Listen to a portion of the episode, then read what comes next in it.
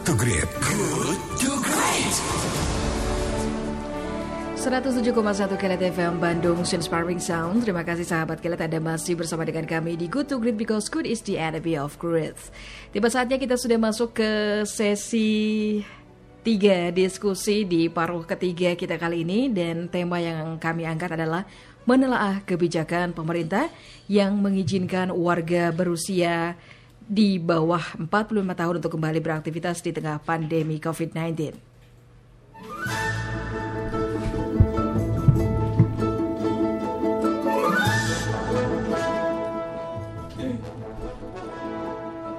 Sahabat kalian, pemerintah pusat berencana mengizinkan warga berusia di bawah 45 tahun untuk kembali beraktivitas di tengah pandemi COVID-19 di Indonesia. Tujuannya agar pemerintah dapat menelan maksud kami menekan potensi pemutusan hubungan kerja atau PHK warga yang terdampak corona. Menyikapi hal tersebut, ahli epidemiologi Universitas Indonesia Syahrijal Syarif menilai pemerintah saat ini sedang panik dengan anjloknya kondisi perekonomian di Indonesia. Ia memahami rencana pemerintah untuk mengambil langkah tersebut di tengah pandemi COVID-19 ini. Ia kemudian menyampaikan bahwa kebijakan itu boleh saja dilaksanakan asal ada pengetatan terhadap penerapan protokol kesehatan di tengah masyarakat. Penerapan sanksi denda bagi warga yang tak memiliki aturan penggunaan masker, menjaga jarak, tidak berkerumunan, dan lain-lain menjadi wajib hukumnya agar kebijakan ini tak jadi bumerang bagi pemerintah. Selain itu, pemerintah juga harus menyadari bahwa potensi wabah ini lama redahnya. Oleh karena itu, setiap kebijakan harus dipertimbangkan dampak jangka panjangnya. Adapun dasar pemerintah berencana memberi kesempatan warga berusia 45 tahun ke bawah untuk beraktivitas karena dianggap tak termasuk dalam kelompok rentan. Dari total warga yang terpapar COVID-19, tingkat kematian kelompok ini hanya 15 persen. Sementara kematian, uh, maksud kami sementara angka kematian tertinggi 45 persen dari kelompok usia 60 tahun ke atas, namun kelompok 45 tahun ini justru memiliki gejala saat sudah terpapar virus corona. Nah bagaimana lengkapnya sahabat kelet? Pagi hari ini kita akan obrolkan langsung dan kami akan menghadirkan narasumber yaitu Bapak Syahrizal Syarif, ahli epidemiologi Universitas Indonesia.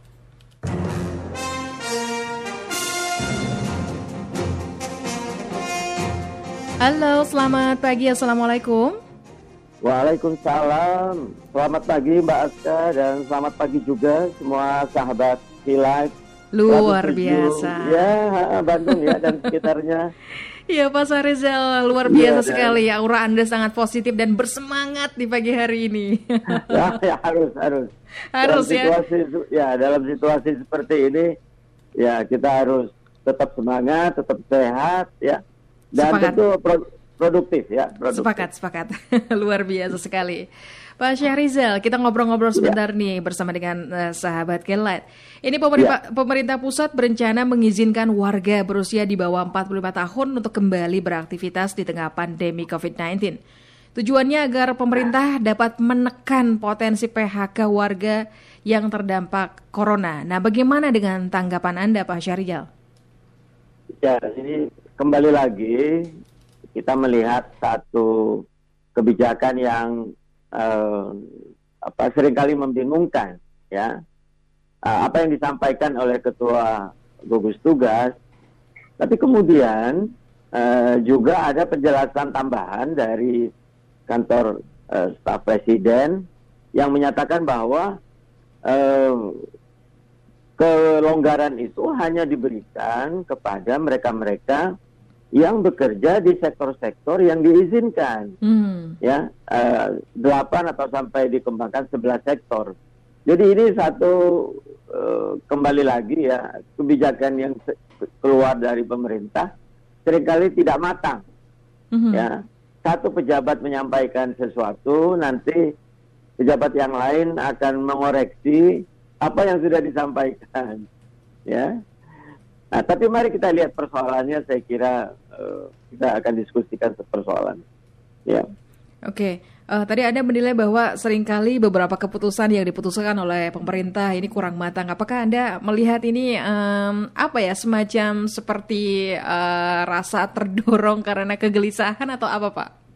Ya, jadi begini, PSBB ini sebetulnya adalah keseimbangan antara uh, upaya kita menurunkan uh, transmisi lokal ya sampai uh, uh, wabah ini sampai ke serendah mungkin bahkan nanti sampai nihil ya mm-hmm. keseimbangan dengan dampak ekonomi sosial ekonomi yang ditimbulkan yang memang saat ini sudah sangat parah ya sehingga pemerintah uh, sudah punya rencana akan melakukan uh, pelonggaran mm-hmm. tapi saya kira penting kita garis bawahi apa yang disampaikan Pak Jokowi bahwa uh, kebijakan pelonggaran itu harus berdasarkan bukti-bukti bahwa memang uh, wabah sudah bisa kita kendalikan. Mm -hmm.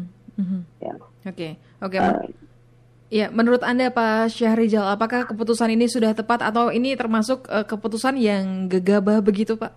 Menurut anda ya, bagaimana? Ini, ya, ini memang keputusan uh, ketika kita memaknainya pertama uh, ke, uh, kebijakan itu keluar, saya juga uh, khawatir ya bahwa ini bahwa benar ya angka kelompok itu mungkin saja ya angkanya angka kematiannya mm-hmm. itu lebih rendah, tapi sebenarnya angka uh, penularannya tidak tidak lebih rendah ya mm-hmm. karena angka 20 usia 20 sampai usia 4 uh, 45 tahun ya itu jumlahnya hampir sekitar 64 persen sebetulnya. Mm -hmm. Nah, juga angka kematian kalau kita lihat angka kematian di Indonesia itu usianya jauh lebih muda dibanding angka-angka kematian uh, di luar Indonesia, terutama Eropa.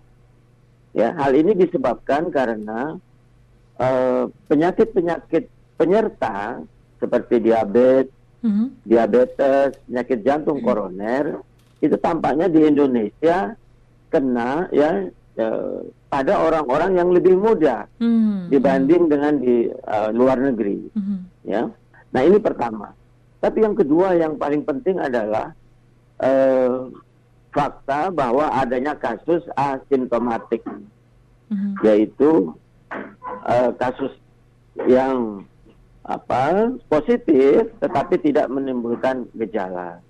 Nah, di, di Vietnam angka ini mencapai 39 persen. Di Cina angka ini mencapai 30 persen. Tapi kalau kita mengacu kepada uh, kru dan penumpang Diamond Princess, angka ini bisa mencapai 51 persen. Mm -hmm. Ya, dan terutama adalah pada orang-orang muda. Ya, jadi memang kelompok ini kelompok yang kalau resikonya untuk terkena, saya kira sama saja. Ya, hanya memang resiko kematian ya mungkin lebih kecil sedikit. Mm-hmm. Tapi mereka adalah kelompok penular asimptomatik. Nah, ini yang kita sebenarnya khawatir. Mm-hmm. Ya. Iya, iya. Pak Syahrizal, ini dasar pemerintah kan tadi memberi kesempatan kepada warga berusia 45 tahun ke bawah untuk beraktivitas karena dianggap termasuk kelompok uh, tak termasuk dalam kelompok rentan maksudnya ya dalam uh, kajian kesehatan tadi ada sudah menjelaskan ya. Uh, bukankah oh, justru sorry, sorry. maaf. Gimana Pak? Boleh saya koreksi ya. Boleh, boleh silakan. Saya kira kelompok tidak ada ya sebetulnya tidak ada yang namanya kelompok yang kerentanannya rendah itu tidak ada. Mm. Ya. Kenapa? Karena sampai saat ini semua populasi usia berapapun ya bahkan kita saya baru mendapat uh, berita dari mhm. teman-teman mm -hmm. di RSCM pada saat ini RSCM merawat lima bayi mm -hmm. ya bahkan yang usianya yang paling muda itu sekitar kalau sampai saat ini itu berusia 10 hari mm -hmm. ya jadi sebetulnya dan laporan dari Amerika maupun dari UK UK bahkan anak-anak muda di bawah 14 tahun ya itu ada sekitar 15 orang dirawat di ICU. Jadi tampaknya sekarang ini tidak ada uh, seluruh usia pada dasarnya beresiko untuk terkena ya bahkan mereka-mereka yang bergerak lebih banyak akan lebih rentan ya okay. akan okay. lebih rentan terutama mereka-mereka yang muda. Apalagi yang yang OTG ya Pak ya yang membawa uh, orang tanpa gejala itu juga jauh jauh lebih berbahaya ya Pak ya? Uh, mungkin saya luruskan sedikit ya. Uh-huh. ada istilah orang tanpa gejala. Sebetulnya OTG ya. Uh-huh. nah jadi OTG ini dimaksudkan sebetulnya buat mereka yang uh, berasal dari ya uh, berasal dari uh, daerah-daerah wilayah zona merah. Uh-huh. Seandainya mereka pergi ke wilayah lain. Nah ini saya ingin jelaskan bahwa secara alamiah wabah COVID-19 ini bermula dari uh, kasus impor namanya. Uh-huh. Ya, kasus impor itu adalah kasus yang tertular di satu wilayah yang masuk ke wilayah lainnya. Nah, kemudian, nah inilah yang kita sebut dengan OTG, ya. Nah, kemudian, ya, ini bergerak dari kasus impor bergerak ke arah kasus klaster namanya, mm -hmm. ya, kasus klaster. Nah, dari klaster kasus klaster ini kemudian kalau berkembang di masyarakat, kemudian tidak bisa kita deteksi lagi siapa penularnya, maka dia menang, kita sebut sebagai uh, transmisi lokal. Ya, nah ini sebetulnya orang-orang yang dari Jakarta, pemudik-pemudik, jika masuk ke wilayah-wilayah baru, pada dasar kita menyebutnya sebagai OTG, ya, mm-hmm. bisa menjadi OTG, ya. Tapi kasus asimptomatik berbeda. Kasus asimptomatik adalah orang yang sudah dikonfirmasi positif, positif. Mm-hmm. sudah pemeriksaan lab PCR-nya positif, ya, tapi dia tanpa gejala. Dan orang inilah yang eh, apa potensi untuk menular kepada orang-orang yang rentan di sekitarnya. Oke. Okay. Ya, Pak Syahrizal, ini uh, ya. lantas pertimbangan-pertimbangan apa saja yang mesti diperhatikan oleh pemerintah sebelum memutuskan kebijakan ini selain uh, pertimbangan kesehatan tadi? Satu sisi pemerintah juga ingin menjaga roda perekonomian, Pak. Bagaimana menurut Anda? Iya, ya. Tadi kita bilang ini PSBB keseimbangan antara upaya kita menurunkan wabah dengan dampak sosial ekonomi, ya.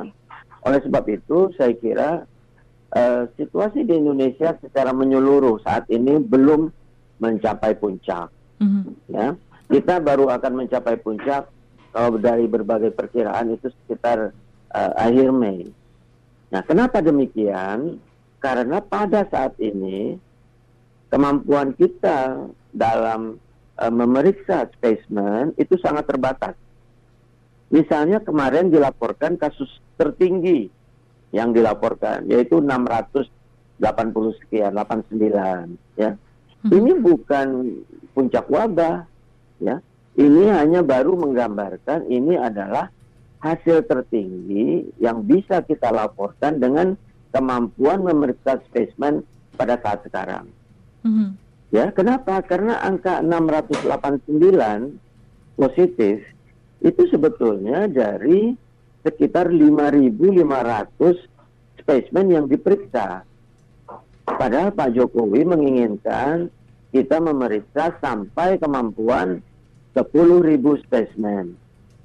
Nah, ketika kita mampu memeriksa 10.000 spesimen, ya ada kemungkinan ini minggu depan atau dua minggu lagi, maka jumlah kasus harian yang dilaporkan akan mencapai sekitar 1.300 sampai 1.400. Nah, pada saat inilah kita akan mencapai puncak wabah. Nah, setelah itu kita akan mengalami penurunan wabah. Mm-hmm. Ya, ini yang kita harapkan bisa terjadi pada bulan Juni. Ya, sehingga perkiraan bulan Juli misalnya uh, bisa dilakukan pelonggaran-pelonggaran uh, bertahap ya, tapi dengan tetap mempertahankan kebijakan social distancing dan protokol kesehatan. Menggunakan masker dan menjaga jarak itu tidak bisa di apa diabaikan. Mungkin kita harus lakukan sekitar 6 sampai 6 bulan sampai satu tahun ke depan. Mm-hmm. Ya. Oke, okay, oke. Okay. Berarti protokol untuk uh, COVID-19 ini memang harus betul-betul diperhatikan oleh warga ya. Karena kita juga memahami nih kegelisahan pemerintah, memang ada uh, pertimbangan ekonomi dan lain-lain dan hal-hal yang, yang memang harus diperhatikan uh, nanti adalah mengenai kebijakan protokol uh, COVID-19 ini yang memang harus ditaati oleh warga ya Pak ya jika ini diterapkan. Ya, jadi gini, kalau kita saya sampaikan tadi bahwa gambaran Indonesia saat ini wabah belum menurun.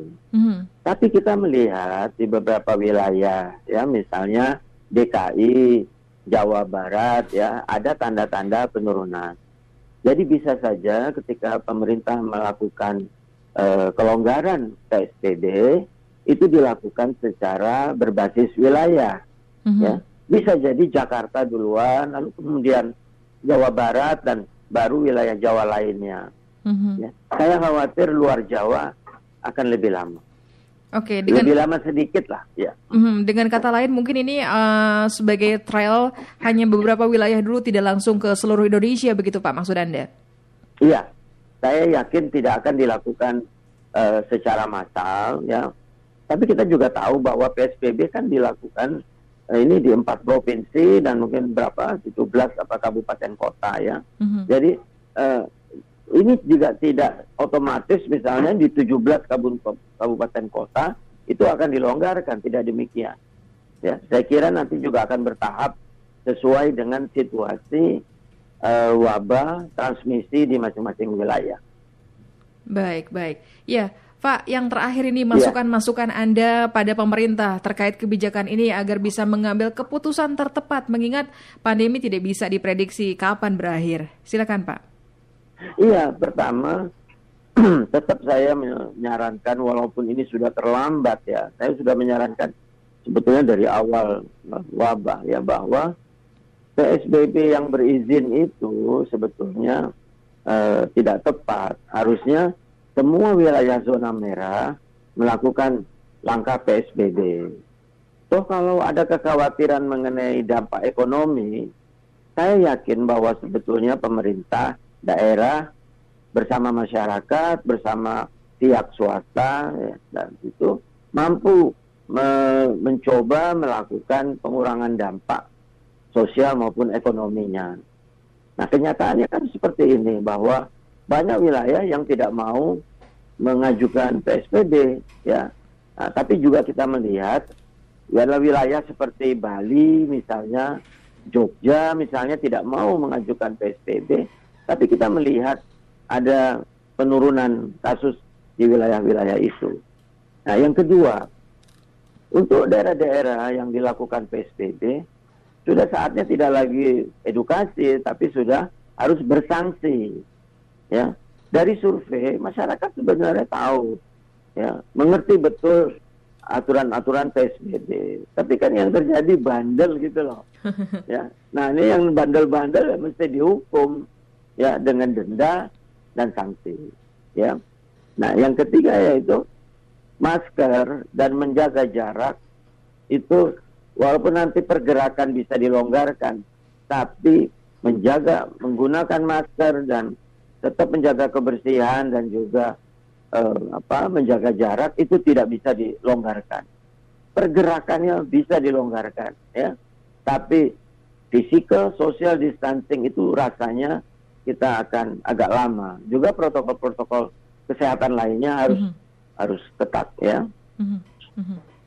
Baik. Saya kira itu yang yang harus dilakukan ya. Baik, Tapi baik. Hmm. dari semua itu yep. yang paling penting adalah pemerintah harus meningkatkan kapasitasnya untuk memeriksa spesimen. Ya, hmm. tanpa peningkatan kapasitas pemeriksaan spesimen kita tidak bisa mengetahui kapan wabah akan berakhir, kapan mencapai puncak, kapan susah, ya. Jadi saya kira yang paling penting adalah itu. Baik, baik. Pak Syahrizal, terima kasih untuk bincang-bincang kita di pagi ya, hari ini. Ya, sangat ya, bermanfaat kasih, dan menambah referensi ya. bagi kami. Sehat, ya, sukses ya, untuk Anda. bermanfaat buat semua sahabat Kiliat ya. Amin. Sampai amin. ketemu lagi. Sampai, Sampai ketemu lagi, Pak. Ya, ya. Assalamualaikum. Waalaikumsalam. Tetap semangat. Amin. Ya, demikian sahabat Kelet perbincangan kita bersama dengan narasumber yaitu Bapak Syahrizal Syarif yang merupakan ahli epidemiologi Universitas Indonesia.